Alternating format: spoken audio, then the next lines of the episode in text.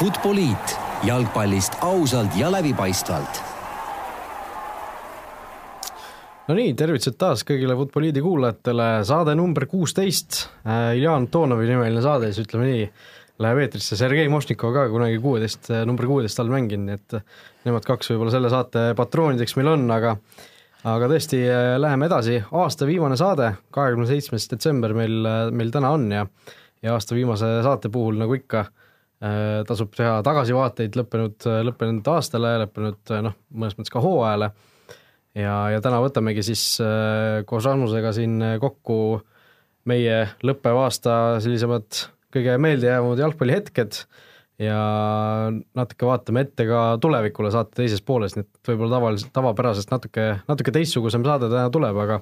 aga eks kiirete vaheteemadena jõuame ka natuke selliseid aktuaalsemaid teemasid puudutada, igatahes äh, Äh, ärme raiska aega, lähme kohe edasi, mõlemad oleme siin äh, mõned sellised noh, viis-kuus jalgpallihetke välja, välja mõelnud, me ei ole neid omavahel veel äh, jaganud, nii et nii et võib-olla midagi ka kattub, et mis meile siis sellest aastast kõige rohkem meelde on jäänud, no ma lasen, Rasmus, sinul alustada, sinu nii-öelda, ma ei tea, kas sa oled nüüd kuidagi pannud edetabelisse ka, et mis on, mis on number üks või või number viis või number kuus, aga, aga kust otsast sa alustad? ütleme nii, et ma jah, võib-olla päris nii-öelda järjestusi teinud, aga ma lihtsalt äh, sobrasin oma peas, et mis justkui selle aastaga kaks tuhat kaheksateist võiks nagu seostada, eelkõige võib-olla tagantjärele, on ju, et kui sa hakkad aasta pärast jällegi mõtlema, et mis sellest aastast äh, nii hetkel jääb meelde kui ka edaspidi võiks jääda, meelde, et esimene äh, selline noh, võib-olla mitte kõige originaalsem mõte, aga Varr ja mm, et äh, noh, me siin mõlemad juhtisime Delfis seda mm stuudiot ja ma mäletan vähemalt viis stuudiot, esimesed olid noh, et Varrist ei saanud nagu üle ega ümber, et sai kõvasti vatti, siin meil need stuudio nii-öelda külalised Marko Kristel ja Tarmo Kink ka nõustusid, et noh, see asi nagu ei paistnud toimivat seal, asjad venisid, inimesed ei saanud aru, mida vaadatakse, millal vaadatakse, aga noh, tagantjärele no ma ütlen, et äh, vaatasin siin veel mingeid suviseid kokkuvõtteid, tegelikult öeldi, et noh, lõppkokkuvõttes sai Varre hästi hakkama, eriti seal alates play-off idest aina vähem sellest räägiti ja justkui sai toimima ja noh, näitab ka nüüd, et meistrite liigasse ta tuleb ja et tundub nii, et raske algus, aga tulnud, et jääda. no minu arust MM-i ajal see küll jah, ei tekitanud ühtegi sellist erilist probleemi või küsimust, et mingisugust erilist skandaali sellest ju tegelikult ei tekkinud, et et MM-i ajal see saadi küll väga hästi tööle, et kui noh, ta oli ju enne igal pool, äh, me olime näinud, kuidas see loob mingisuguseid totakaid olukordi, kuidas noh, kohtunikud ei saa sellest hästi aru, mängijad ei saa sellest võib-olla hästi aru, noh, mida täpselt, mis olukorras peaks tegema. et äh, noh, siin oli ju, kuidas meeskonnad seal kuskil Saksamaal kutsuti Poola ja riietusruumist välja, et tuleme mängime selle mingi lõpuolukorra uuesti või mingi penalt tuli seal. et, äh, et noh, selliseid asju ei olnud FIFA ju rääkis ka seal enne MM-i suurelt, et, et selliseid asju ei hakka olema, et meil on kõik väga hästi treenitud mina võtsin seda väga skeptiliselt, seda, neid, neid väiteid, ma arvan, et ma ei olnud sugugi ainus jalgpallisõber. aga, aga tegelikult äh, FIFA näitas, et äh, asjad toimisid väga hästi, et, et ma arvan, et see Varr on küll äh, noh, võidukäik kaks tuhat kaheksateist minu jaoks küll jah, et mis jääb võib-olla veel natukene segaseks, eriti MM-i ajal jäi veel, et ütleme, seal olid mingeid olukordi, kus justkui nagu kordusest on näha, et oli viga, meenub siin Harry Kane versus Tuneesia, kus ta justkui nagu tiriti kaks korda pikali ja siis seal vist samas mängus vastupidi anti nagu penalti, et noh, kui on viga, et äh, kui nagu igat asja justkui VAR peaks vaatama, siis äh, et noh, seal jäi küsitavusi, aga teisest küljest see on võib-olla hea, et ütleme, seal on ikka olukordi, et kus kohtunik läks vaatama ja ikka inimesed arutasid, et kas see on viga või mitte, et justkui algul kardeti seda, et just jääb see nagu spekuleerimine või niisugune arutelu jääb ära, et aga seda ikkagi nagu on minu arust, et äh, noh, siin vaatasin lihtsalt ka mingeid kokkuvõtteid selle Varri artikleid, et oli väga palju oli noh, mis siin Neimari üks olukord, kus ta seal käega maha tõmmati, et justkui algul anti penalti, lõpuks ei antud penaltit, väga õiglane, aga samal ajal see ei olnud ka otseselt noh, ta oli ta ei olnud päris taim, on ju, et seal puude oli, on ju, et Neimar läks selgelt kalastama, et noh, kõik niisugused asjad, et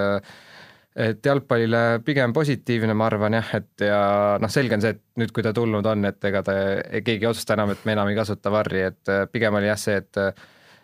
näha on, et see, ütleme Itaalias igal pool see toimub aina kiiremini ja kiiremini, et MM-il võib-olla natuke oli veel seda, et et algul nagu oodati kakskümmend sekundit, siis ta läks sinna platsi äärde seda vaatama veel, et see nagu asi mõnikord venis seal paar minutit, aga noh, see oli ainus, ainus nagu ainus küsimärk, mis on ka sisult ära lihvitud. Ja noh, millest veel räägiti, oli see, et et justkui see õnn kaob ära või et a la sa tähistad väravat seal minut aega ja siis öeldakse, aga noh, mul on tunne ka, et neid olukordi väga nüüd ei ole, jälle vaatasin, oli vist Torino ja Juventuse mäng oli siin suht hiljuti, tal oli ka üks värav, mis algul noh, nii-öelda Juventuse mehed juba tähistasid kaks-null, siis tuli varr, aga noh, see oli mingi kümne sekundiga umbes ja ei olnud keegi, noh, kõik saavad aru, et see nagu süsteem ütleski, et oli suluseis ja mida sa vaidled seal, on ju, et et jah, et võib-olla kardeti rohkem, kui asi väärt oli jah, see, eks selliseid olukordi saab ju muidu ka ette tulla, et noh, tuletan mm. meelde kas või seda kuulsat Eesti-Serbia mm. valikmängu seal kaks tuhat kümme vist oli see või üksteist, et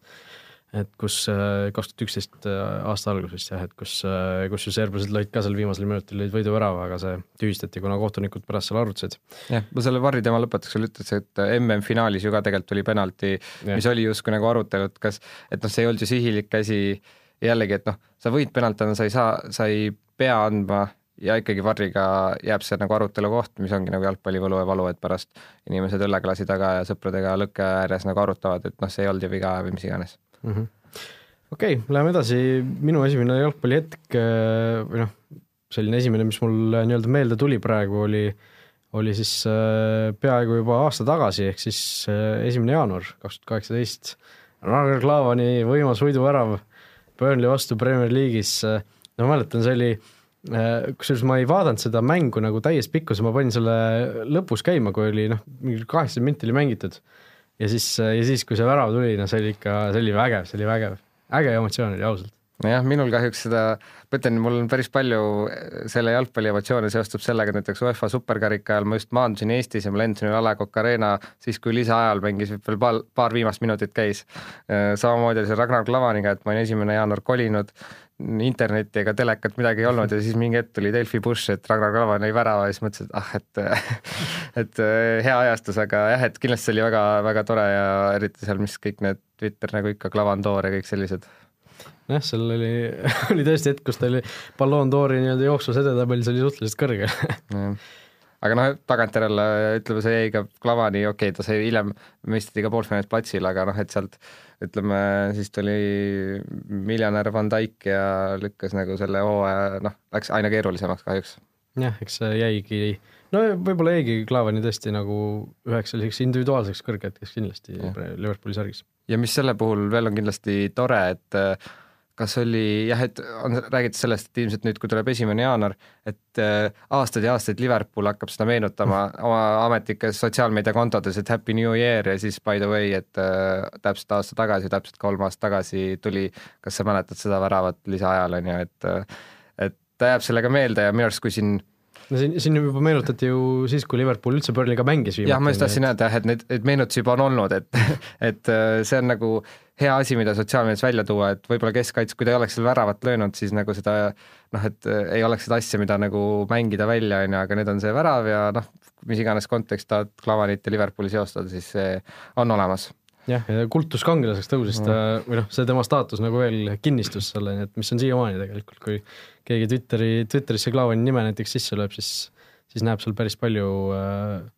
igasuguseid äh, inimesi, kes siiamaani väga hea sõnaga teda meenutavad mm, -hmm. kui on kuskil küsimus, et nimeta Premier League'i ajaloo parim keskkaitse, siis Klaavani nimi tuleb seal kindlasti paar korda nii on, äh, minu nii-öelda teine hetk, mis meenus äh, meistrite liiga finaali, eelkõige siis Loris Karius seal, et noh, sellest räägiti ju päris pikalt, kuni MM-ini vähemalt, et äh, mis seal siis täpselt oli ja noh, see on ka räägitud, et noh, see oli selline finaalide finaal, millest noh, et et äh, ma ei tea, Salah seal, kas Sergei Ramos tegi sihilikult siis äh, kääridega värav, siis noh, ma ütlen, et Kaarjuse eksimused ja kõik, finaalis oli kõike ja noh,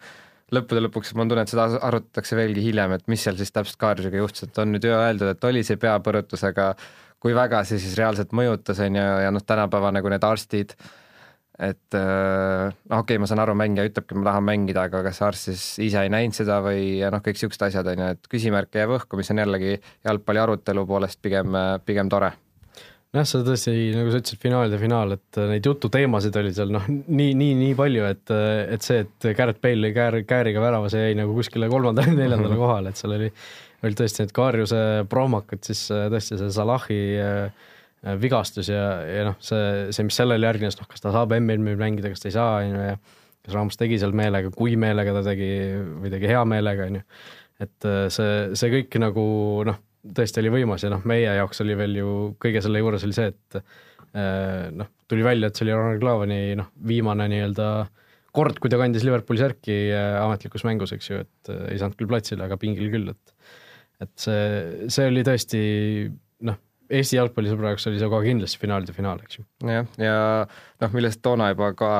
päev hiljem juba räägiti, et mis sellest Kaariuse karjäärist siis saab, nüüd me oleme näinud, et Liverpoolist ta lahkus, Besiktases noh, peab tunnistama, ega iganädalaselt Türgi liiga mänge ei jälgi, aga on nagu silma jäänud videosi, kus ta ka eksib seal ja siis mängis siin ju Euroopa liigas Joonas Tamme äh, koduklubi Sarpsborgiga, kus ta ka seal kaks prohmakat tegi, et äh, no see väravahi amet on natuke niisugune, et see võib sulle pähe jääda ja et äh, mina isegi pigem ei usu, et Kaarjus enam päris niisuguse noh, meistrite liiga äh, niisuguse võitja potentsiaaliga tiimiga liitub, et noh, kindlasti professionaalne väravaht ja kõik on hästi, aga pigem ongi, see jääb seal Galatasaraid ja Besiktased ja noh, võib-olla mõni Inglismaa, ma ei tea, seal keskmik, mis iganes, aga päris tippude tipp, no see nagu et ega ju maailma tippväravatid ei ole nii suurt kvaliteedivahet, seal ongi see, et kuidas sa emotsionaalselt kõikide asjadega toime tuled ja et noh, need asjad nagu Kaarjuse kasuks ei räägi.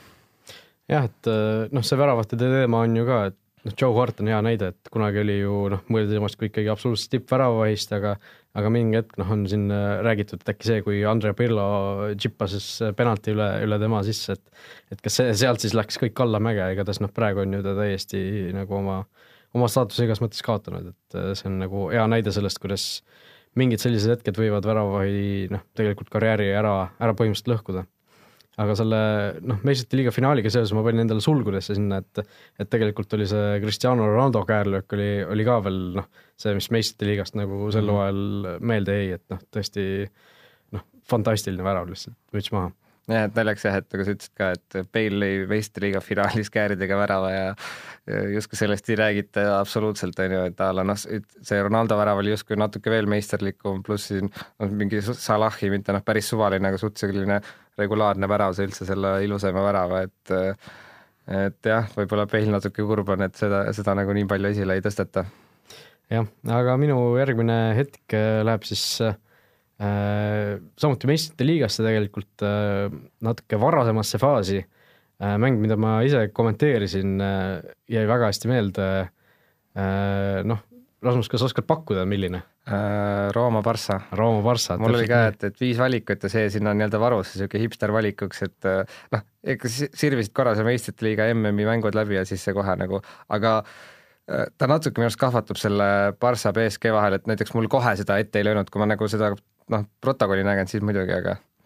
jah, see selles suhtes oli naljakas, et mul oli ka natuke see, nagu see, selle meistrite liiga lõpplahenduse mm -hmm. MM-i taustale jäänud, aga üks Rooma fännist tuttav saatis hiljuti video sellest väravast mulle, ütles, et see on tema jaoks noh, number üks aasta spordihetk, et mm -hmm. ja siis noh, ma ise ka kuulasin seda emotsiooni, mis sealt tuli, et noh, Joel Lindermittega, kes ka on siin saates külas käinud ju mitu korda, temaga koos kommenteerisime, mäletan, me hüppasime püsti mõlemad seal, noh, karjusime lihtsalt et see oli, see oli tõesti vägev, et äh, kes, kes vajab meeldetuletust, siis äh, Rooma kaotas esimese mängu võõrsil neli-üks ja, ja võitis siis kolm-null kodus ja Kostas Manolase värav oli siis äh, seal umbes kümme minutit enne mängu lõppu, mis, mis selle tagasituleku nagu lõpetas, et see oli no see oli tõesti vägev, vägev lihtsalt, et see noh, ehtne Taavet koljati vastu ja, ja kuidagi, kuidagi tulebki ära täiesti rongi alt välja, et jah, ma vaatasin ka veel tagantjärele, et seal selle tool, tolle mängu eel oli Rooma võidukoefitsient neli koma viis, et noh, see, et nad lihtsalt võidavad, on ju, aga see, et nad kolmega noh, umbes siin on toodud see Lester ja viis tuhat koefitsient, ma arvan, see kolmega, et nad äh, kvalifitseeruvad, oli ka võib-olla seal saja kandis vabalt, on ju, et äh, ma mäletan ka nüüd äh, noh, kui ma ei eksi, siis ma selle mängu esimest poole äkki ei vaadanud, et noh, nagu ikka play-off'is on mitu paralleelset mängu. see oli vist see, et kas oli äkki see Liverpooli ja City mäng oli samal ajal või, või see oli vist igatahes mingi, mingi te-, noh, mingi teine paralleelne mäng oli ja justkui sellest Rooma Barssast keegi enne ei rääkinud, aga siis vist noh, kui Rooma läks juhtima, see oli ka niisugune naljaga, et ah, eks tulevad. Ja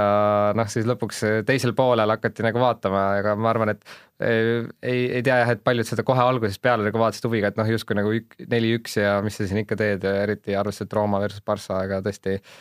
jah, aga kurb on jah see või mingil määral, et nagu kui meile sulle ei tulnud ka see asi kohe meelde, et see finaal ja mm ja kõik, et tegelikult suurepärane mäng, aga kohe esimese asjana ette ei tule, jah. jaa, aga sellegipoolest noh äh,,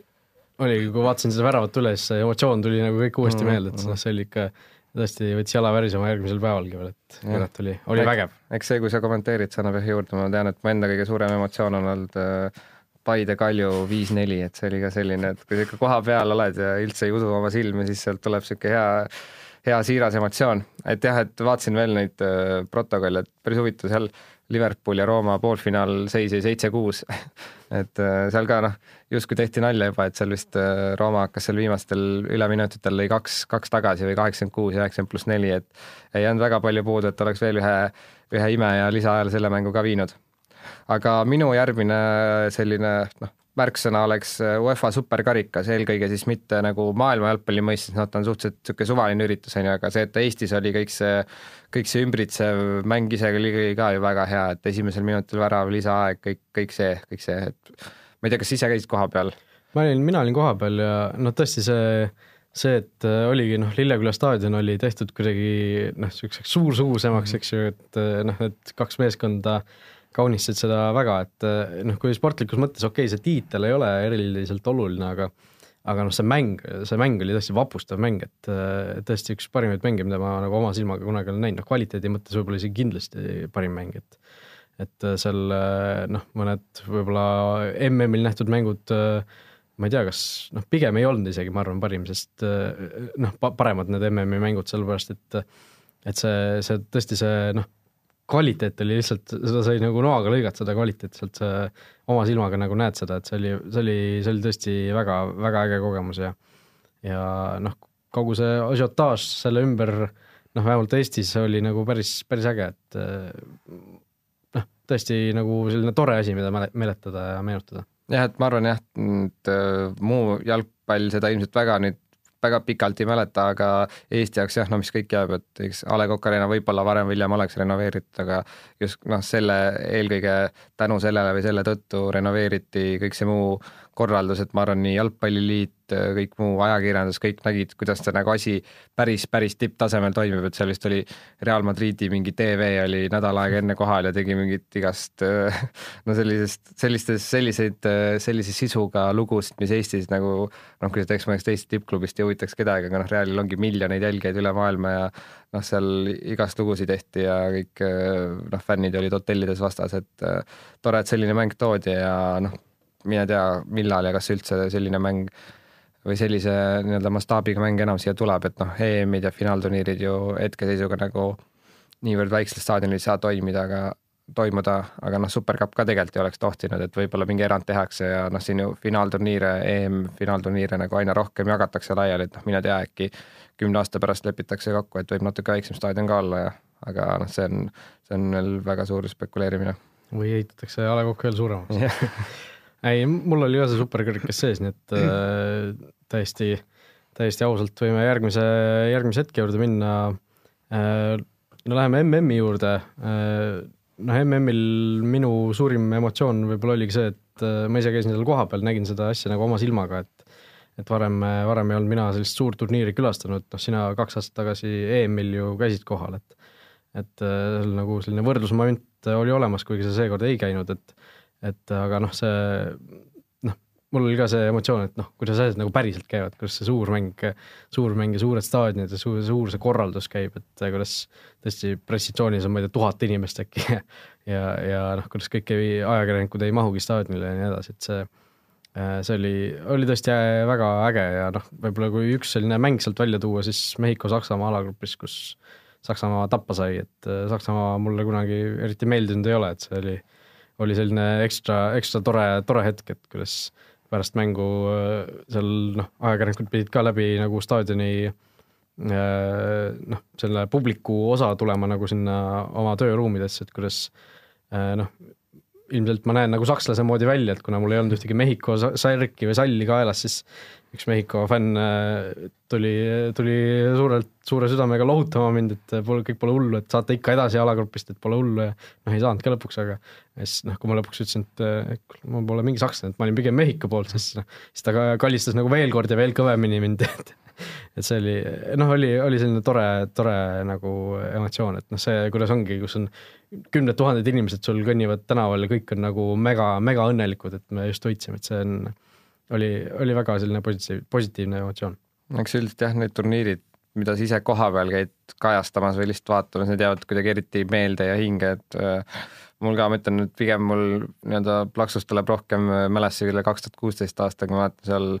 mingil Inglismaa mängul Walesiga vist olime, istusime suht kõrvuti Guillem Balagiga, kes on, kellel on ka miljoneid jälgijaid igal pool, siis seal üks mäng Türgi äh, Hispaania oli Nissis, kus oli mingid täielikud ummikud ja mina olin üks kümnest ajakirjanikust, kes umbes õigeks ajaks mängule jõudis ja Uberi arve oli sada viiskümmend eurot, et tõesti seal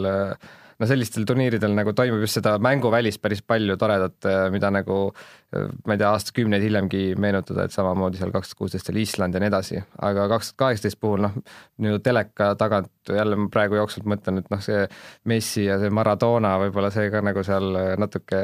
natuke jääb meelde, et see oli ka selline Maradonat ma teoreetiliselt nägin tribüünil ka oma silmaga Argentiina-Island mängul, et no see oli ka muidugi tore mäng, kus Island, äh, Island väga, väga ägedalt võitles jah, ja noh, siis veel, et noh, Inglismaa võitis ju penaltiseeria ja kogu see asiotaaž, et it's coming home ja veel käisin äh, juuli alguses Wimbledonis, kui see äh, poolfinaal, noh, nad olid veel konkurentsis ja siis oli ka noh, seal nagu ütleme, niisugune kultuur ja kontingent äh, jälgis Wimbledoni, rääkis sellest, aga no ütleme, niisugune tavarahvas ja suurem mass ikka it's coming home ja kõik niisugused asjad, et äh, et et äh, noh, mingil määral kahju, et, et ei tulnud, et see oleks kindlasti asi, mis oleks siis veel rohkem nagu meelde jäänud, et lõppude lõpuks, et Prantsusmaa võitis, kõik nagu loogiline, et et äh, neli-kaks küll ja oli tore finaal, aga see oli nagu niivõrd tugev favoriit olemas, et ma arvan, ta selle Real Liverpooli finaali äh, kõrval nagu kergelt kahvatub.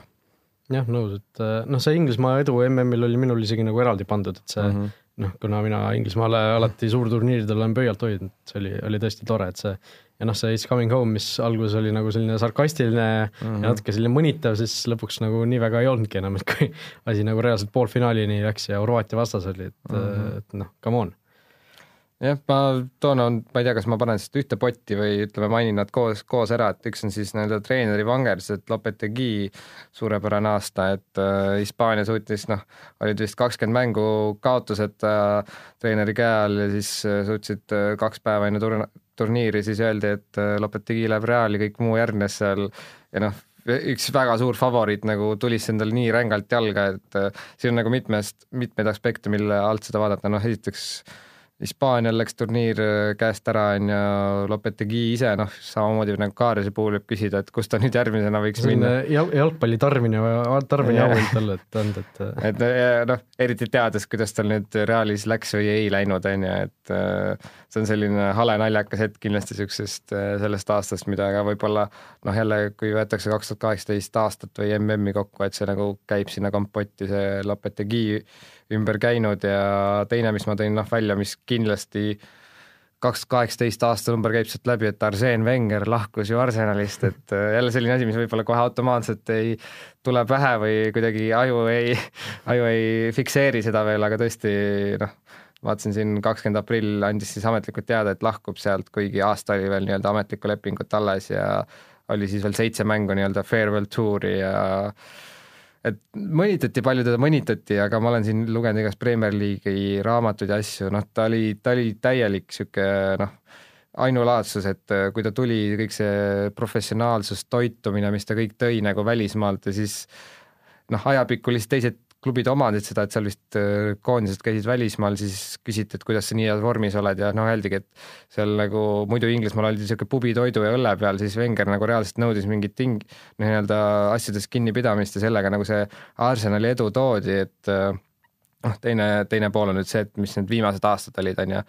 et äh, nõudsid seda lahkumist, aga ma arvan jälle tagantjärele täielik klubi legend. jah nõus, et äh, see Wengeri lahkumine oli tegelikult lõpuks oli nagu hästi korraldatud ja mm -hmm. noh, mhm. selles suhtes ei ole küll Arsenali fänn kunagi olnud, aga Unai Emeri on ka nagu noh, suhteliselt hästi alustanud ikkagi, et mm -hmm. ei ole, ei ole nii läinud nagu Unitedil läks, kui David Moyes ja, ja Van Hal ja kõik need teised, kes seal järele on tulnud, et noh, võib-olla sellesse potti võiks selle Murillo, Murillo ka siia saata, et et see oli ikka päris, päris õudne, et noh, mind eelmises saates ei olnud, ma ei saanud nagu oma, oma sellist rahulolu välja näidata, aga no see oli ikka noh, see oli tõesti rõõmupidu, kui see teade tuli, suhteliselt ootamatult nagu ta tuli, aga noh, vähemalt peaasi, et tuli, et äh, see äh, nagu noh,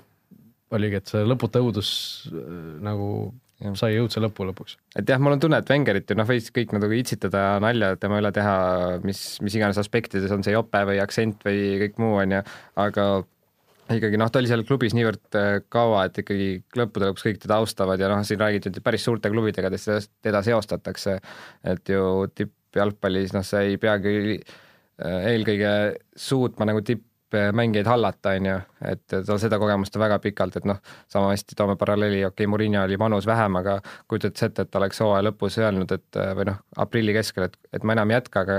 teen hooaja lõpuni ja siis oleks see farewell tour olnud, et ma arvan, seal ei oleks nagu niivõrd positiivsed emotsioonid, emotsioonid olnud ja selle Wengeri teema lõpetuseks võib-olla veel, et siin toodi päris huvitav arv välja, et äh, umbes veerandik siis äh, United Kingdomi elanikkonnast ei olnud elanud maailmas, kus Arsene Wenger ei ole Arsenali boss nii-öelda, et äh, noh, ta justkui oli nagu umbes sinu ja minu põlvkonna nagu paralleel, et et tõesti noh, tänapäeva jalgpallis ülimalt haruldane, et sa niivõrd kõrges klubis oled niivõrd pikalt ametis ja ma julgen kahelda, et keegi kunagi selle tulemuse üle lööb. nojah, et see Ferguson oli ka ju seal kakskümmend kuus aastat vist äkki mm -hmm. midagi sellist. aga noh, ütleme nüüd, et tulevikus, et keegi ja, selle see, see on tõesti,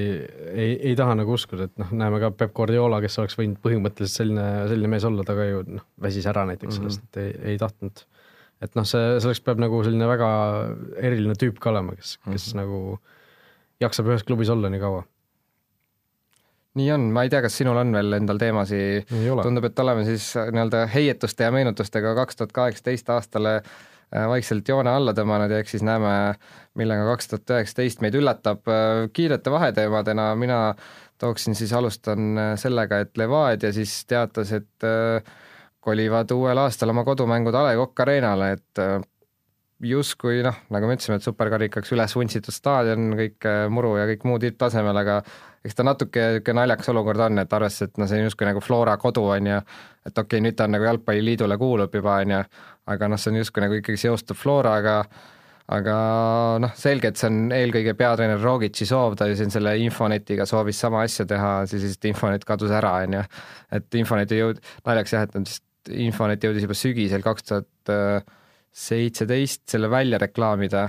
et me juba kolime sinna, aga siis paar kuud hiljem nagu pandi üldse pood kinni, et selge, et see on sealtpoolt tulnud ja see mingil... oli vist paar kuud, see oli isegi mingi päevade või nädalate küsimus umbes. et äh, noh, selge, et sealt see initsiatiiv on tulnud ja mingil määral saab võib-olla Rogic, kes võib-olla Eesti jalgpalli tausta niivõrd hästi nagu äh, noh, ei mõista, ta eelkõige vaatab lihtsalt äh, on ju noh, staadioni kvaliteeti, kõik, kõike muud sellist, et selles mõttes loogiline, aga teisest küljest jah, et kui Levadia on üks suurimaid klubisid, kellel on nagu raske selle kogukonna tunde või niisuguse ühtse rusika tekitamine, et kes siis reaalselt teda toetama peaks, siis see muutub nagu veelgi keerulisemaks, et okei okay,, ma ei tea, suurlinnades on ka, et noh, on need äh, baasid erinevas kohas, aga Eesti või noh, see Tallinn on piisavalt väike ja okei okay,, et San Siro'l on ka kaks tiimi, on ju, aga noh, see on nagu see taust on hoopis siin hoopis teine ja noh, kindlasti tundus Flora fännide sellist äh, meelehead Levadia vastu, siis kindlasti neid ka mingil määral seal kostitatakse ja et see kindlasti esimestel kodumängudel on päris suureks teemaks, aga jällegi ma arvan, natuke nagu, natuke nagu varr võib-olla, et äh, noh, on see mingi paar kuud ära olnud ja siis nagu harjutakse sellega ära. Nojah, mina, kes ma just paar nädalat tagasi siin kolisin äh, Kadrioru staadioni suhteliselt lähedale, siis äh, mulle, mulle see uudis nagu väga ei meeldinud muidugi, aga aga noh, eks no selles suhtes on see kummaline, et et kui, kui palju see A Le Coq Arena siis nagu äh, muru poolest on Kadriorust parem, et Kadrioru staadion valiti siin ka ju Jalgpalliliidu aasta lõpetamisel siin aasta staadioniks või aasta nagu väljakuks, et äh, murukattega väljakuks siis, et äh, see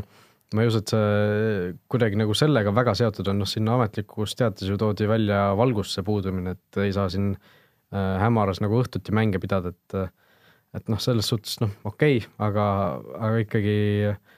noh, need mängud on ju tegelikult üksikud suhteliselt, mis no seal on veel aeg-ajalt on vist mingid kergejõustikuvõistlusi ees olnud ja kõik niisugust, justkui staadion ei kuulu neile, noh mitte, et A Le Coq Arena ka kuuluks, on ju,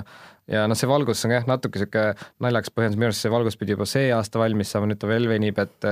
et noh, naljakas jah, et justkui üks, üks asi nagu, mis niivõrd venib ja siis suht drastiline otsus, aga noh, eks ole näha. aga jah, see noh, selles suhtes ongi, et Meinhard Pulk siin Sokanits ka kirjutas et kus see Levadia nagu kogukond nüüd siis tulema peaks, et et noh, nüüd Lasnamäe või Pirita või Maarjamäe või Kadrioru inimesed noh, nad niikuinii ei leidnud sinna Kadrioru staadionile teed, et kas nüüd siis A Le Coq Arena'le leitakse, et see noh, aga noh, Maarjamäel ja Kadriorul oli veel väike nagu seos või no kuidagi oli nagu Ei, no said, see- see said, said, okei, nagu, said jah. nagu niisuguse vahepealse ala võtta endale, on ju, aga nüüd sisuliselt me oleme ühest, noh, mitte päris ühest otsast teise, aga nagu väga palju puudu ei jää, et nagu täitsa teine, teine pool, aga noh, teisest küljest jällegi, et noh, me räägime siin ikkagi käputäiest inimesest, keda see võib-olla reaalselt niimoodi puudutab, et seal on vist kümme inimest umbes Levadia fänni, fännirühmitses, kes käivad igal mängul kohal ja teistel on võib-olla ma ei tea, võib-olla esimest korda lähevad valele staadionile, aga üldiselt ilmselt väga suurt äh, muutust ei tee, eelkõige on jah, see pigem see Levadia Flora nagu üldine rivaliteet. jah, et aga noh, Kadrioru staadion on vaba, et äh, ei tea, kas keegi tahab seal mängima hakata, ma ei tea, Maardu linnameeskonnal on staadion olemas muidugi, aga Mm. Aga noh, põhimõtteliselt ju et huvitav, et sihuke, sihuke, sihuke staadion ja reaalselt noh, suure tõenäosusega keegi seal mängima ei hakka, on ju. jah, selles suhtes on kahju, aga noh, eks näis, et aga noh, selle kogukonna juhtide tulekuga on nagu äge olnud vaadata, et kui palju nüüd Levadia publikunumbrid siis nagu Flora omadest erinema hakkavad, et noh, enam nagu väga suurt vahet ei ole, sama staadion ja ja, ja nagu samad mängud, et äh, ikkagi ma usun, et äh, Levadia see kogukond ikkagi jääb noh, kannatab selle, selle arvelt. aga noh, ma ütlen, et me räägime ikkagi väga käputäiest asjast, et noh, võib-olla kui Kalju kolis Hiiule mingil määral võib-olla isegi tege-, tehes enda mänguolukorra keerulisemaks, see oli nagu fännidele hea otsus, aga praegu noh, seal A Le Coqil olid ka ju väga-väga vähe inimesi käis seal tihti, et äh, pildil seal, pildiliselt väga tihti jäi silma, et oli alla saja inimese või sealkandis, et noh, et antud olukorras, kus seal niikuinii kellelgi väga ei olnud seda Kadrioruga tunnet, et äh, noh, siis pole nagu nii hull, oleks ta tõesti noh, see, et seal juba on midagi tekkinud ja tõesti Kadrioru ja Maarjamäe veel annab midagi tekitada, aga kuni seda nagu seal reaalselt ei olnud mingit äh, connection'it nii-öelda, siis äh, noh, et jah, ma arvan, et väga halvemaks ei saa igal juhul asi minna. jah, teine kiire vaheteema, noh, nädala mingisugune skandaal äkki või, või sihuke äh, furoor äh, tekkis siis aastalõputurniiril, fänniturniiril, mis on alati, alati olnud selline allikas igasugusteks äh, huvitavateks äh, skandaalideks ja vastuoludeks, et äh, FC Tatikat platsil selline meeskond siis mängis seal äh, noh, kes väitsid olevat äh, kõigepealt noh, fänniturniir, eks ju, on äh, turniir, kus mängivad fännid omavahel, eks ju, seal on noh, aastaid on olnud, eks ju, Flora fännid, Levadia fännid, Kalju fännid, nii edasi, et et äh, selle Rahvaliiga meeskonna fännid väitsid olevat, tegelikult nad olid seesama Rahvaliiga meeskond, ma saan aru, kes seal mängis tegelikult, ja, ja kokkuvõttes siis äh, asi tipnes sellega, et nad kasutasid vist äh, kolme väidetavalt äh, mängijat vale nime all, kes olid tegelikult FC Flora mingisugused esiliiga B mängijad ja noh, ühe mängu eest nad said siis disklahvi, aga neil lubati turniiri lõpuni mängida, aga siis selgus, et nad, nad kasutasid ikka veel nagu keelatud mängijaid, ehk siis ja lõpuks, lõpuks siis teised meeskonnad, kõik need fänniturniiri tiimid tulid platsile, ajasid nad noh, sisuliselt füüsiliselt minema sealt platsi pealt, et aeg on lahkuda skandeerimise saatel, et et videod on olemas, kes Sokkenetist tahab neid üles otsida, see võib neid vabalt teha, et see oli selline noh, päris kummaline, kummaline olukord igatahes. no fänniturniiri ma olen ise ka kunagi Sokkenist korraldanud, see oli, see oli üks paras peavalu, ma mäletan, seal oli FC Infoneti fännid olid vist mingisugune selline rühmitus aeti kokku, kus olid ka mingisugused mängijad, kes, kes ei oleks tohtinud seal mängida ja kuidas seal Aleksander Altosariga mul tuli niisugune mingisugune, nad oleks mulle peaaegu kätega kallale tulnud seal, sellepärast et äh, aga noh, see tatikate teema muidugi, see veel ju äh, asi veel noh, tõeliselt tipnes sellega, et need, need tatikad tegid Sokkenites mingisuguse avalduse, et kas selline ongi Eesti jalgpalli nägu, et tõesti lugesin ja naersin sellest, et nagu noh, tõesti hoidsin peast kinni, et no kuulge mehed, kui te, kui te tulete ise niimoodi sohki tegema sinna, siis no mida te hüppate enam, no ausalt, kaduge lihtsalt ära. jah, et noh, ma ütlen, et lõppude lõpuks ju teevad justkui oled niisugune torm peeglasi, aga jah, kokku, kõik need asjad kokku panna, see on päris naljakas, et noh, et noh, tõesti see, et see tegelikult reeglid on kõigile teada okei okay,, võib-olla Eestis on tõesti see, et noh, isegi fännid ei tunne neid esiliiga B mängijaid, aga noh, samas on nagu jällegi Eesti piisavalt väike, et keegi ütleb, et see on see mees, on ju, et seal keegi vist lõpuks ikkagi nagu tundis nad ära, eks ju. jah, et noh,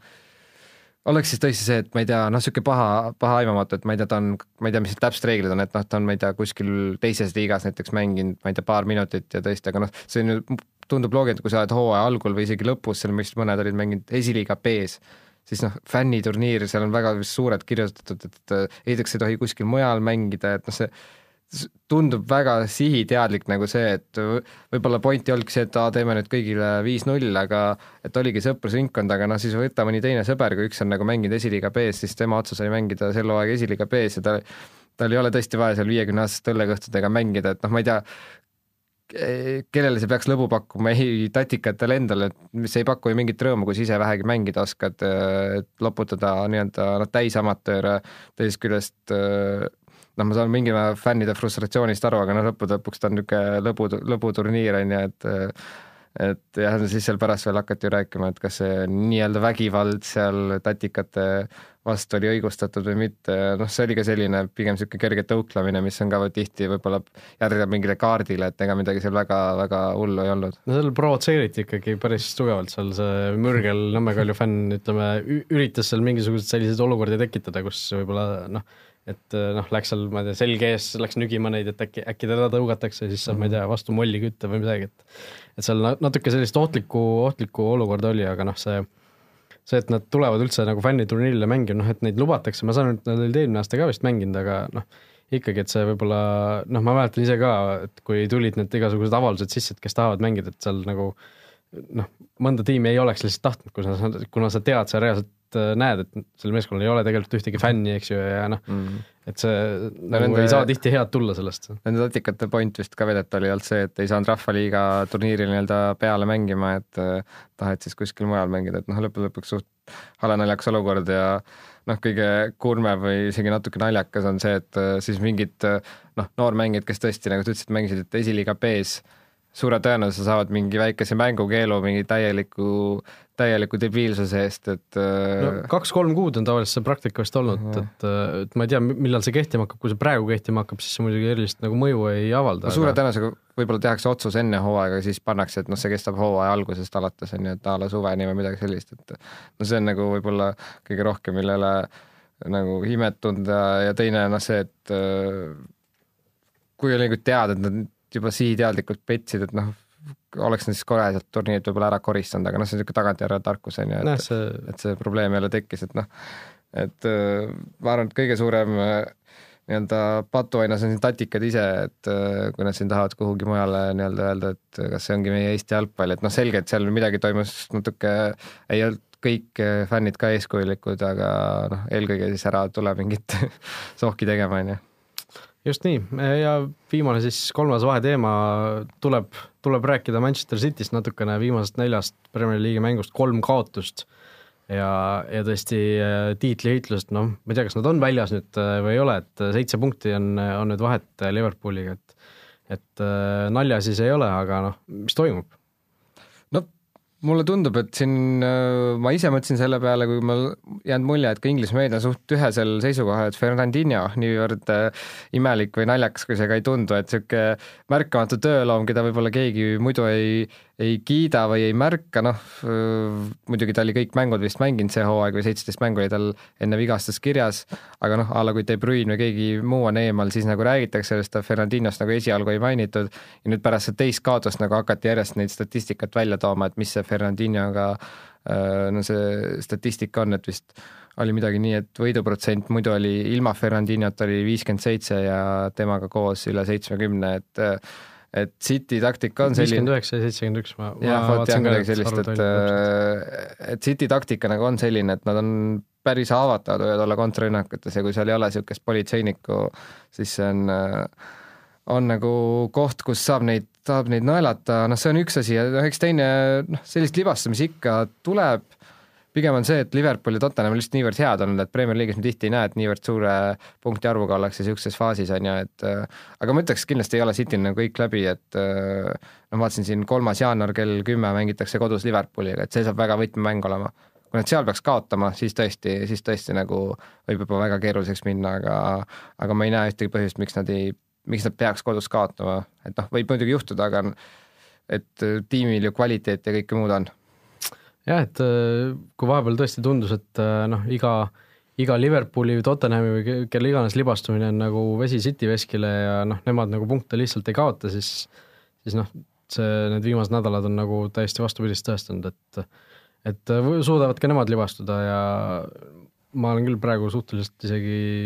isegi kindel, et nad ei, ei võidagi tiitlit see hooaeg jah, aga noh, ütleme nagu sa ütlesid, et viimasest kolmest liigamängust või viimasest neljast kolm kaotust on ju, enne seda justkui räägiti, et noh, City ikkagi suurem favoriit tiitlile on ju, et kaotasid Chelsea'le, et noh, pole hullu, aga need viimased kaks kaotust tõesti noh, mingil määral võib-olla isegi noh, eks kevadel oleme targemad, aga võib-olla hea, et see niisugune äratuskell tuli niivõrd vara, on ju, et võib-olla teevad korrektuurid ja samal ajal noh, kindlasti nüüd Liverpool ja Spurs hakkavad ka nagu kuskil, kuskil libastuma. Et kui Liverpool võib-olla on eriti võimas, siis nagu Spursil on neid potentsiaalseid siin libastumiskohti olnud päris palju, et et noh, kindlasti nad ei tohiks alla anda, mis võib-olla veel on huvitav, et noh, Fernandinho, kui ma ei eksi, kolmkümmend kolm on ju, et noh, on näha, et temal ei olegi nagu alternatiivi seal pingi peal, et, et justkui selle, selle peale hooaja eeli mõeldud, et see nüüd nagu maksab kätte. Nojah, et Sun City on, teadupoolest on ka vaadanud ringi, et üritavad siin erinevaid äh, mehi sisse tuua, aga noh, kui äh, noh, lühikeses plaanis ei ole kedagi sinna panna praegu, nii et äh, et on huvitav, noh, õnneks või kahjuks see vigastus ei ole nüüd väga, väga tõsine vist, et, et väga kaua ta väljas ei tohiks olla, aga aga no eks näis, aga läheme meie saate siis teise sellise suurema teema juurde uuele aastale, nagu lubatud, vaatame natuke ette.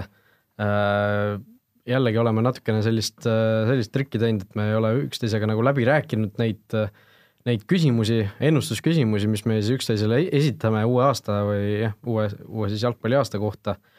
et, äh, et lihtsalt alustame mingist otsast pihta, küsime küsimuse ja anname siis mõlemad oma sellise vastuse sellele, nii et, et tahad sa alustada? jah, ütleme, kui me Cityst rääkisime, siis minu küsimus oleks, et kes võidab meistrite liiga ja minu vastus olekski Manchester City, et ma vaatasin siin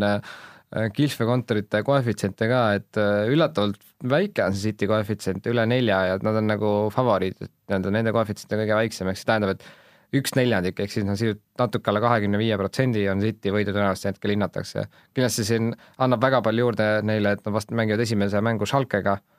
ja äh, ongi siin see, et väga raske on kedagi teist sinna panna kindlalt kõrvale, sest väga paljud favoriid omavahel vastamisi. ehk nad peavad juba alustuseks ühe väga tugeva vastase alistama, et Cityl on selles mõttes tugev eelis, annab neile ka kontorites nii-öelda selle noh, koefitsiendiga eelise ja teisest küljest noh, mine tea, äkki nad saavad veel pool veerandfinaalis ka nii-öelda hea loosi, on ju, seal mingi Porto või kes iganes, on ju. aga teisest küljest noh, jällegi City on ju seni ei ole väga veenev olnud seal Euroopas, et sellest küljest ei tahaks näha, aga kui lihtsalt nagu loogikat ja tõenäosusteooriat kasutada, siis mina annaks oma hääle neile. Äh, minul on millegipärast viimastel nädalatel üha rohkem tulnud selline tunne, et see aasta võidab meistrite liiga FC Barcelona, et et äh, Lionel Messi on siin väga võimsas hoos jällegi, ta oli vahepeal siin vigastatud, aga hoolimata sellest juhib kõikisuguseid edetabeleid top viis liigade kohta, et väravad, väravasöödud, kõik muu, et et äh, ma arvan, et noh, Barcelona pole tegelikult nagu niisugune tunne on vähemalt, et pole tükk aega võitnud ka, et oleks võib-olla nende aeg vahelduseks, et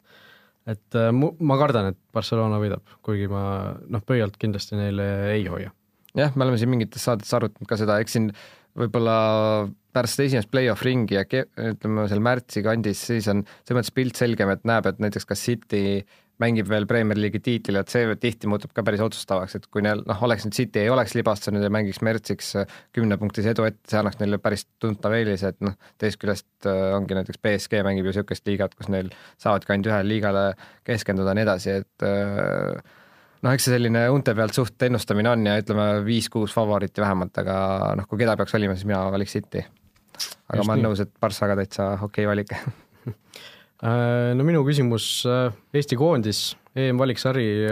kõik kaks tuhat üheksateist äh, läbi mängitakse, mitu punkti kogub Eesti koondis, vastased on meil teadupoolest siis Holland, Saksamaa, Põhja-Iirimaa ja Valgevene. Holland, Saksamaa, sealt tuleb null punkti,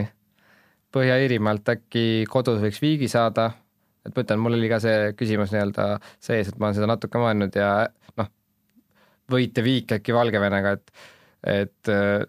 naljakas, et pigem positiivselt vaadates ja saame viis punkti, on ju, et eeldusel, et noh, võit ja viik Valgevenega tundub nagu täitsa okei okay,, on ju, ja noh, siis kaotus ja viik Põhja-Iirimaaga võib-olla niivõrd positiivne ei ole, aga ikkagi täitsa reaalne. ja noh, näiteks võidame Põhja-Iirimaad ja kaotame korra neile, siis ka kaks viiki Valgevenega, no midagi niisugust, mingi niisugune kombinatsioon. Ja ma eeldaks siis, et see toob meile Valgevene ees neljanda koha, et äh, noh. aga mitu punkti? Äh, viis punkti, et, äh, et ma ütlen, Holland Saksamaa täitsa muu maailm, et meie Valgevene väga-väga suure tõenäosusega neid punkte ei saa. Põhja-Iirimaa äkki suudab kodus midagi teha ja Põhja-Iirimaale ma, ma arvan, me jääme alla ja et noh, viis punkti ei kõla nagu väga, väga atraktiivselt, aga tundub niisugune suht karm reaalsus, et umbes sinnakanti võiks tulla. no Põhja-Iirimaad nii kõrgelt ei hinda, et äh, nad tunduvad olevat ikkagi langustrendis ja aga noh, mina ütlen, et äh, ma alguses panin küll kirja kuus punkti, et mitu punkti me kogume, kaks võitu siis, aga aga ma pigem võib-olla isegi ütleks seitse praegu, et kaks võitu, üks viik näiteks, selline võiks meie saldo olla, et äh, noh, peaks andma ikkagi jah, neljanda koha meile või või midagi sellist, aga, aga jah, jällegi, et eks näis, mis, mis tegelikult juhtub. jah, minu teine küsimus oleks sulle või ütleme meile, kes on Manchester Unitedi peatreener augustis kaks tuhat üheksateist? mina annaks oma hääle Ole Gunnar Solskjaerile. et tundub selline klassikaline stsenaarium, et tuuakse noh, selline ajutisena ei saa ju öelda, et Sulcher on niivõrd suurepärane geenius nüüd, aga need esimesed kaks mängu on ja noh, kõik saavad aru, et veel ei tohi mingeid väga suuri järeldusi teha aga noh, nagu siin eelmine saade ka rääkisime, et tipptreener võib-olla ei peagi olema ülisuur taktik, ta peab seda riietusruumi ja noh, ideaalis ka fännidele meeldima ja kõik niisugune asi ja küll need taustajõud nagu teevad muu asja ära, on ju. et noh, see Pogba vabanemine, seda on nagu tunda ja näha, on ju, ja teisest küljest noh, siin räägitakse Pochettinost ja ma ei tea, võib-olla Zidanist, siis noh, kui Pochettino näiteks peaks börsiga, ma ei tea, tiitli võitma, et pigem on keeruline näha, et kes sealt võiks nagu reaalselt tulla, on ju et äh, kõiki neid kokku pannes, siis äh, Sulcher on minu, minu hääle saab. jah, ei ma saan loogikast aru, Sulcher on nagu ma arvan, et äh, ma ei ole küll praegu vaadanud, aga äkki on cashflow kontorites ka võib-olla see soosik järgmisele nii-öelda permanent manager'i koha peale, aga aga no ma ei, ma millegipärast ei taha uskuda, et Sulcher jääb, sest noh, sellest on räägitud ka, et kui Murillo oli nagu liiga selline ühte, ühele poole, siis Sulcher võib-olla natuke liiga selline vabameelne ja selline noh, lihtsalt rõõmus, rõõmus poiss, kes seal äh, laseb poistel mängida natuke, et et ma, ma nagu hästi, hästi ei tahaks ka, et Solskjaer äh, Manchester Unitedi peatreeneriks jääks, et et võib-olla see ongi selline pooleaastane periood, kus ta saab nagu natuke seda, natuke neid haavu lakkuda, see kogu klubi, et et noh, kui sa küsid, kes on, siis no Pochettino, ütleme, et on, ma arvan, et Spurs, ei noh, Spurs tiitlit ei võida Inglismaal, see on kindel ja ma ei usu, et nad meistriliigas ka väga kaugele jõuavad ja võib-olla tekibki selline noh, selline noh, Eesti korvpallist öeldes selline Rapla sündroom natuke Tottenhamil, et noh, tunneb, et nagu selline lagi on ees, et äh, rohkem nagu raha ei anta ja ja võib-olla Pochettino ikkagi, ikkagi natukene tahab edasi liikuda, et ma ütleks tema. Äh, minu järgmine küsimus, kes võidab Ballon d'Ori kaks tuhat üheksateist? jah, ma mõtlesin ise ka selle peale et äh, vist korra oleme seda niimoodi hästi põgusalt siin arutanud ka. mina jällegi tõenäosusteooriaid ja kõike selliseid armastades Neimar, et äh, Prantsuse liigas hetkel üksteist väravat, äh, meistrite liigas viis, potentsiaal tulla mõlemas top skooreriks. noh, nagu me rääkisime, et BSG-l ju liiga võit sisuliselt tuleb. tal on juba korralikult väravaid, okei okay,, seal noh, ju justkui arvestada on ju ainult kalendriaastatega see, nagu sa ikkagi hooaja lõpus vaatad, palju ta kokku lõi. Et siin tuleb ilmselt Prantsuse liigast tuleb noh, kakskümmend pluss väravat ja tiitel, meistrite liigas kindlasti paar lööb veel ja kui nad jõuavad näiteks poolfinaali juba, see on potentsiaalne. Ja noh, et selge, et võib-olla see CL on päris suur mõjutada, aga mis räägib veel Neimari kasuks, on äh, Copa Ameerika ka ja toimub just Brasiilias, et äh, kõiki neid asju nagu kokku pannes, siis tundub Neimar niisugune päris,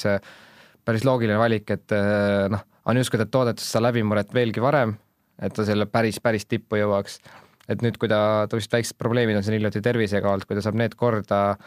äh, siis noh, et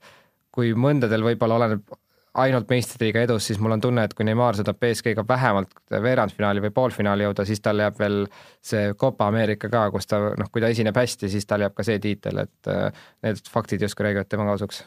Ma arvan, et Neimar peaks ikkagi meistriliiga võitma, et, et päris Ballon d'Ori kandidaat olla, minu pakkumine on äh, Messi. et ma arvan, et äh, noh, see hoog, mis, hoog, mis tal praegu on, ma ei tea, kui palju seda loetakse muidugi Ballon d'Ori arvestuses, et kuna see on veel selle aastanumbri sees ja nii edasi, on ju, aga noh, see eks ju populaarsusvõistlus on nii, nii ehk naa, nii et ma arvan, et et noh, see selle aasta viies koht ka võib-olla natuke ikkagi järgmisel aastal on hääletajatel veel meeles, et et see noh, tundub nagu, et natuke tehti liiga ja nüüd võib-olla sellepärast natuke isegi järgmine aasta upitatakse teda, et ma arvan, et mina paneks raha Messi peale. jah, veel Messil on ju nüüd see küsimus ka ilmselt, kas ta läheb Copa Ameerikale, on ju. et äh, kui ta sinna läheb, siis ta on kindlasti ka jah, päris äh, tugev kandidaat äh,. minu järgmine küsimus oleks siis äh, mitu Eesti klubi alistab Euroopas vähemalt ühe vastase, et neli klubi meil seal on äh,, Kalju, Levadia, Flora, Trans. Äh,, mina noh, Transi ma välistaks, Kalju alustab meistrite liigast äh, ja siis noh, pääseb automaatselt kuhugi muusse sarja, kui ta sealt peaks välja langema ja Flora. Mina eeldan, et see on üks tiim ja Levadia. Ja noh, siis noh, ütleme, ma ütlen üks tiim ja pakun, et see Levadia, aga no see võib ka keegi teine olla, aga mul on raske näha, et üle ühe tiimi nagu suudaks selle takisse alistada kui ma nüüd õigesti mäletan ja olen aru saanud, siis suure tõenäosusega jälle ju me ei mängi ütleme Gibraltari või nende tiimidega, et me saame ikkagi jälle neid Põhja-Iirimaa neid satse, et noh, neid ei ole nagu lihtsad vastased. no Põhja-Iirimaa on isegi ajaloos, aga mm. ütleme sealt võib ka saada mingi Balkani jah ja. midagi sellist, et, et see noh, Kalju ja Levadia on, eks ju, need põhilised äh, kandidaadid sellele, et Flora on siin aastaid ja aastaid enda, endale nagu jalga lasknud Euroopas, et et ma, ma siiski arvan, et see eelmise aasta või noh, selle lõppeva aasta selline eurokrahh oli, oli natuke selline erandlik, et ma arvan, et äkki ikkagi, ma ütlen kaks siis, et, et olla natuke positiivsem äh,. kes tuleb Eesti meistriks? Levadia, ma arvan, et Levadia, et äh, jälle eelmine saade siin korra mainisime, et äh, justkui neil paistab see asi nagu ebalevadialikult korras olevat kahe hooaja vahel, et peatreener on nagu väga sümpaatne, teab, mis ta nagu teeb, võib-olla noh, ka see aasta väga paljud pakkusid nüüd tiitlile, midagi nagu kõik asjad ei klappinud, aga noh, teades siin, et äh, Flora ju väga palju ei täienda ennast, et pigem noh, võib-olla mingid noored toovad laenud tagasi, äh, on oht ja võimalus, et kaks-kolm inimest või mängijat lähevad äh, välismaale. Ja noh, Kaljul siin on segadust päris palju, et on ka öelnud, et siin Liilus tahetakse võib-olla äh, nagu just lahti saada, aga müüa nii-öelda äh,, Elhi otsib välismaale, no kõik, kõik siuksed asjad, et et minu jah, Levadia. ma arvan ka, et Levadia ja, ja noh, umbes niisugune kümne punktiga isegi, ma arvan seekord, et et noh, ma eelmine aasta, nagu sa ütlesid, paljud ennustasid Levadiat, mina ütlesin, et võidab Kalju, Levadia teine koht, Flora kolmas, täpselt nii ka läks. et äh, seda usalduskrediiti mul natuke on selles osas, ütleme nii, ja, ja noh, eelmine aasta ei tundunud nagu veel, et äh, Levadia oleks päris valmis, aga ma arvan, et see aasta nad on äh, noh, tuleb nende aasta kindlasti kaks tuhat üheksateist ja, ja ma isegi ütlen, et nad võidavad jah, kümne punktiga selle tiitli Flora ees et äh, praegu on, on selline seis, tundub, et et jah, ma arvan, et Levadial asjad nagu jooksevad see hooaeg kokku ja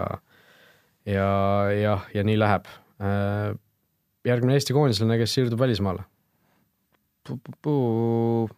ütleme siis Eestist välismaale, jah? jah uh,. mõtlen, kes meil seal, noh, ju siis Florast keegi mm, ma arvan, Vihman, Liivak ja kas Sakaria loeme ka. Sakaria veel ei ole koondisel, no et, minu, äh, minu pakkumine on Vihman näiteks kindlasti. jah, et äh, noh, ma küll ütlen, et ma ei, ma ei ütleks, et Vihman ülivalmis selleks on, aga kindlasti Flora nagu oskab mängijaid müüa ja tal on see CV ja selles mõttes korralik, et ta on ju Eesti koondist saanud, et äh, ja võib-olla ütleme, ründaval mängijal on natuke raskem end nii-öelda kohe pildile mängida, et jah, ütleme Vihman, kaldkriips, Liivak on minu hääl jah, ma arvan, et Vihman on, nagu sa ütlesid, pole valmis, ma arvan, et pigem on, et kuskile sellisesse noh, kas päris Norra kõrgliiga tippu, aga, aga ikkagi, ikkagi kõrgemale, et noh, tegelikult ta ei ole enam, ta ei ole enam nii noor mängija, kui ta võib-olla tunduda võib, et kui noh, ta on natuke vanemalt nagu tõusis esile, et noh, ei ole, ei ole veel vana mängida, kakskümmend kolm, eks ju, aga aga ikkagi äh, ikkagi ei ole enam päris selline kaheksateist, üheksateist aastane, et ma arvan, et äh, ta võiks selle sammu edasi teha küll, et noh, Flora on viimasel ajal saatnud laenule neid mängijaid, et äh, ma arvan, et see oleks ka tema puhul nagu päris selline äh, hea variant. minu küsimus oleks, kas Mattias Käit vahetab kaks tuhat üheksateist aasta klubi, et noh, hetkel siis teatavasti Fulhami kuulub, on siin käinud laenuga Šotimaal, vahepeal Fulham, ma vaata, praegu vaatan Premier League'is üheteist punktiga eelviimane, on tõenäoliselt võivad tagasi Championshipi langeda et, äh, et kuna Keit on siin ka vigastatud olnud, siis ma kardan, et ta äkki talvel ei vaheta klubi, kui seal on mingi laen ja see edaspidi, suvine oleneb siis see, kas Fulham jääb Premier League'i või mitte. et äh, ma ise pakun, et Fulham pigem langeb ja siis Keit jääb Fulhami. ma arvan just, et Fulham ei lange, et, et seal saadakse ikkagi asjad korda, aga aga ma arvan, et ta ikkagi noh, nii ehk naa vahetab klubi, et mm -hmm. ei usu, et ta jääb, jääb sinna, et noh, me räägime nagu nii-öelda permanentsest transferist siinkohal, eks ju jah,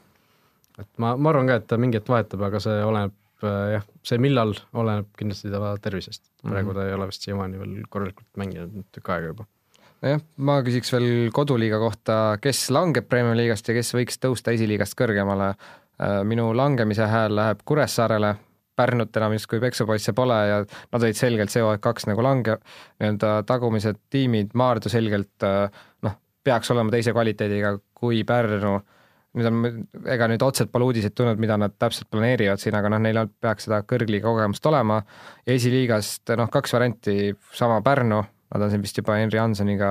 teinud lepingu ja noh, Leegion, et Leegion kõrvasi esiliiga mehi ja esiliiga B-s olid ülivõimsad, et ja on siin vist, Russ Delfile ütles ka, et päris suured plaanid ja tahavad seal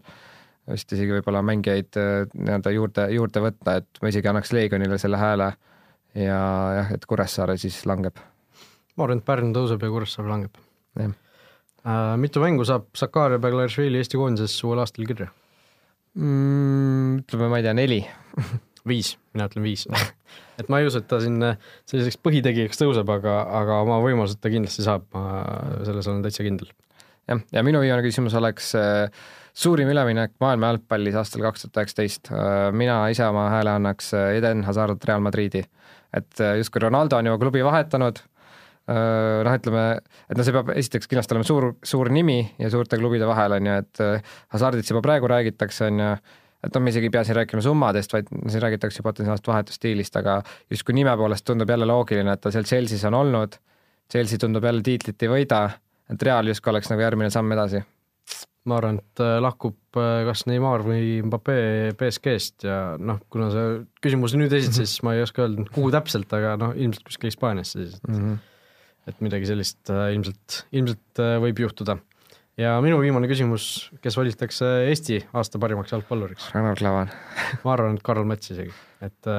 Klavan noh, tundub, et ta on nii palju seal vigastustega viimasel ajal kimpu saanud, et et võib-olla ta noh, noh, ta ei pruugi teha enam sellist aastat, nagu ta tegi kogu aeg viimasel ajal ja võib-olla noh, see nii-öelda inglisekeelse terminiga voter fatigue räägib ka mm -hmm. tema kahjuks, et äh, kui ta nüüd viis või kuus aastat on nüüd järjest võitnud, siis viis aastat järjest, aga kuus vist, kuus vist kokku, et et siis võib-olla ei, ei taheta teda enam äh, nii palju valida või noh, tahetakse natuke mingit värskust sinna tuua, aga jah, nüüd kui ma aga see mõtlen, oleneb kindlasti tema tervisest. et ma olen nõus, et äh, Metsal mingil määral potentsiaali on, eriti annaks emotsionaalselt juurde see, et noh, kuna ta eelkõige kaitsev mängija on, et kui ta vahetaks klubi, et võib-olla tava, tavafänn jälle ei vaata nii väga neid, ma ei tea, klubi äh, mänge ja no, selles suhtes, et see Breda on praegu Hollandi kõrgliigas nagu suhteliselt tagaotsas, et yeah. praegust isegi välja langemas, et kui ta siin suvel et näiteks noh, kui ta suudaks jah, nagu ütleme, esimese poole tiimi minna, see annaks kindlasti nagu hääli talle, aga noh, ma ütlen ikkagi jälle pigem ikkagi Klavan. Aga sellega vist äh, siia joon alla ja on kõik meie ennustused salvestatud, et võib-olla siis aasta pärast laseme neid ette, vaatame, kas hoiame peast kinni või viibutame näppu, et kõik läks täppi. aga lähme siis äh, saate viimase osapoole OpTibeti panustamissoovitused minu esimene soovitus on Inglismaalt Premier League'ist Liverpool Arsenal kohtuvad siis äh, Liverpooli koefitsient üks koma viis, Viik neli koma kuuskümmend üheksa ja Arsenal viis koma üheksakümmend üks, et äh, ma olen seda korduvalt-korduvalt siin öelnud, kui kaks suurt on, siis mulle ikkagi meeldib pigem vaadata sinna Arsenali poole, et kas siis äh, Viik ei loe või Arsenal pluss üks, et äh, Liverpool on küll kodus ülivõimas, aga Arsenal noh, on Emery all ka täitsa, täitsa sümpaatne, et äh, näiteks Arsenalile üks värav ette anda, et noh, et jälle Liverpool võib võita kahe väravaga, aga et kahe suure mängus äh, miks mitte ja noh, nüüd võib-olla Liverpooli väike niisugune lisapinge on ka, et äh, okei okay,, nad tohivad libasta, aga neil on justkui nad teavad, et kui nad suudavad nüüd, ma ei tea, järgmine kuu aega siin Cityt ja Arsenali võita ja noh, mujal ka nagu kindlalt esineda, siis võib see nagu päris heaks seis muutuda. just, et ma arvan, et see Arsenali peale panustamine tegelikult mul jäi ka see koefitsient natuke silma seal, et et see on ikka väga, väga korralik väärtus ja ja ma arvan, et äh, olenemata siis Liverpooli sellisest hoost äh, võib Arsenali peale panna. aga noh, kus mujal kui Inglismaal seda jalgpalli mängitakse sellisel ajal äh, Crystal Palace Chelsea, minu esimene soovitus. Äh, Palace on siin küll viimasel ajal korralikult esinenud aeg-ajalt, aga noh, väga ebastabiilselt, et nad Manchester Cityt ju võõrsil kolm-kaks võitsid, aga seejärel ei saanud kodus Cardiffist jagu, et äh, kodus Chelsea vastu nüüd mängivad, Chelsea võit võõrsil üks koma seitsekümmend kaks, et Optibetist sellise, sellise koefitsiendiga saab kätte, et ma arvan, et selle Palace'i ebastabiilsuse juures Chelsea võit võõrsil on päris, päris hea väärtusega, see üks seitsekümmend kaks. Jah, nagu sa ütlesid, eks seal uusaasta ja pühade ajal väga, väga pool mujal peale Inglismaa jalgpalli ei taheta mängida, siis minu teine soovitus ka Premier League'is, siis kolmkümmend detsember võtab Southampton kodus vastu Manchester City, siin Southampton oli vahepeal vaatan siin ligi kümme mängu võiduta, nüüd on viimased kaks mängu Huddersfieldi ja Arsenali vastu isegi võidetud, aga noh, Cityst me oleme siin rääkinud, ma arvan, see viha nagu töötab nende kasuks, mängisid siin viimati kuues november liigas, siis City võitis kuus-üks, et et jälle siin City võidukoefitsient seal üks koma kolmkümmend viis, see ei ole võib-olla nii magus, aga miinus üks või midagi sellist ette neile anda, et äh, võiks justkui see koht olla, kus nad äh, nii-öelda lähevad positiivse emotsiooniga uuele aastale vastu ja noh, me teame, et kui City nagu saab selle käima, et äh, võivad vabalt seal väravõrgud puruks taguda. just, ja minu, minu teine siis OpTibeti panustamissoovitus Manchesteri klubide juurde jääme, Manchester United võtab siis vastu Bournemouthi noh, paberi peal äh, Ole Solskjaer saab väga, väga kena stardi, et et järjest siin sellised äh, nii-öelda tagumise otsa satsid, äh, noh, Bournemouth küll hooaega on väga kenasti alustanud, aga aga viimasel ajal ta on ka ikkagi päris ära kukkunud, viimati siis null viis Tottenhamilt, et et ja noh, samal ajal ju United, nagu räägitud sai, on väga sellise hea emotsiooniga mänginud, väga sellise mõnusa vabadusega. Ja, ja väravaid on tulnud, et Unitedi võidukoefitsient niisama on üks koma kolmkümmend kuus, aga aga kui handicap'iga võtta vähemalt kaheväravaline võit, siis on koefitsient juba üks koma kaheksakümmend üheksa, et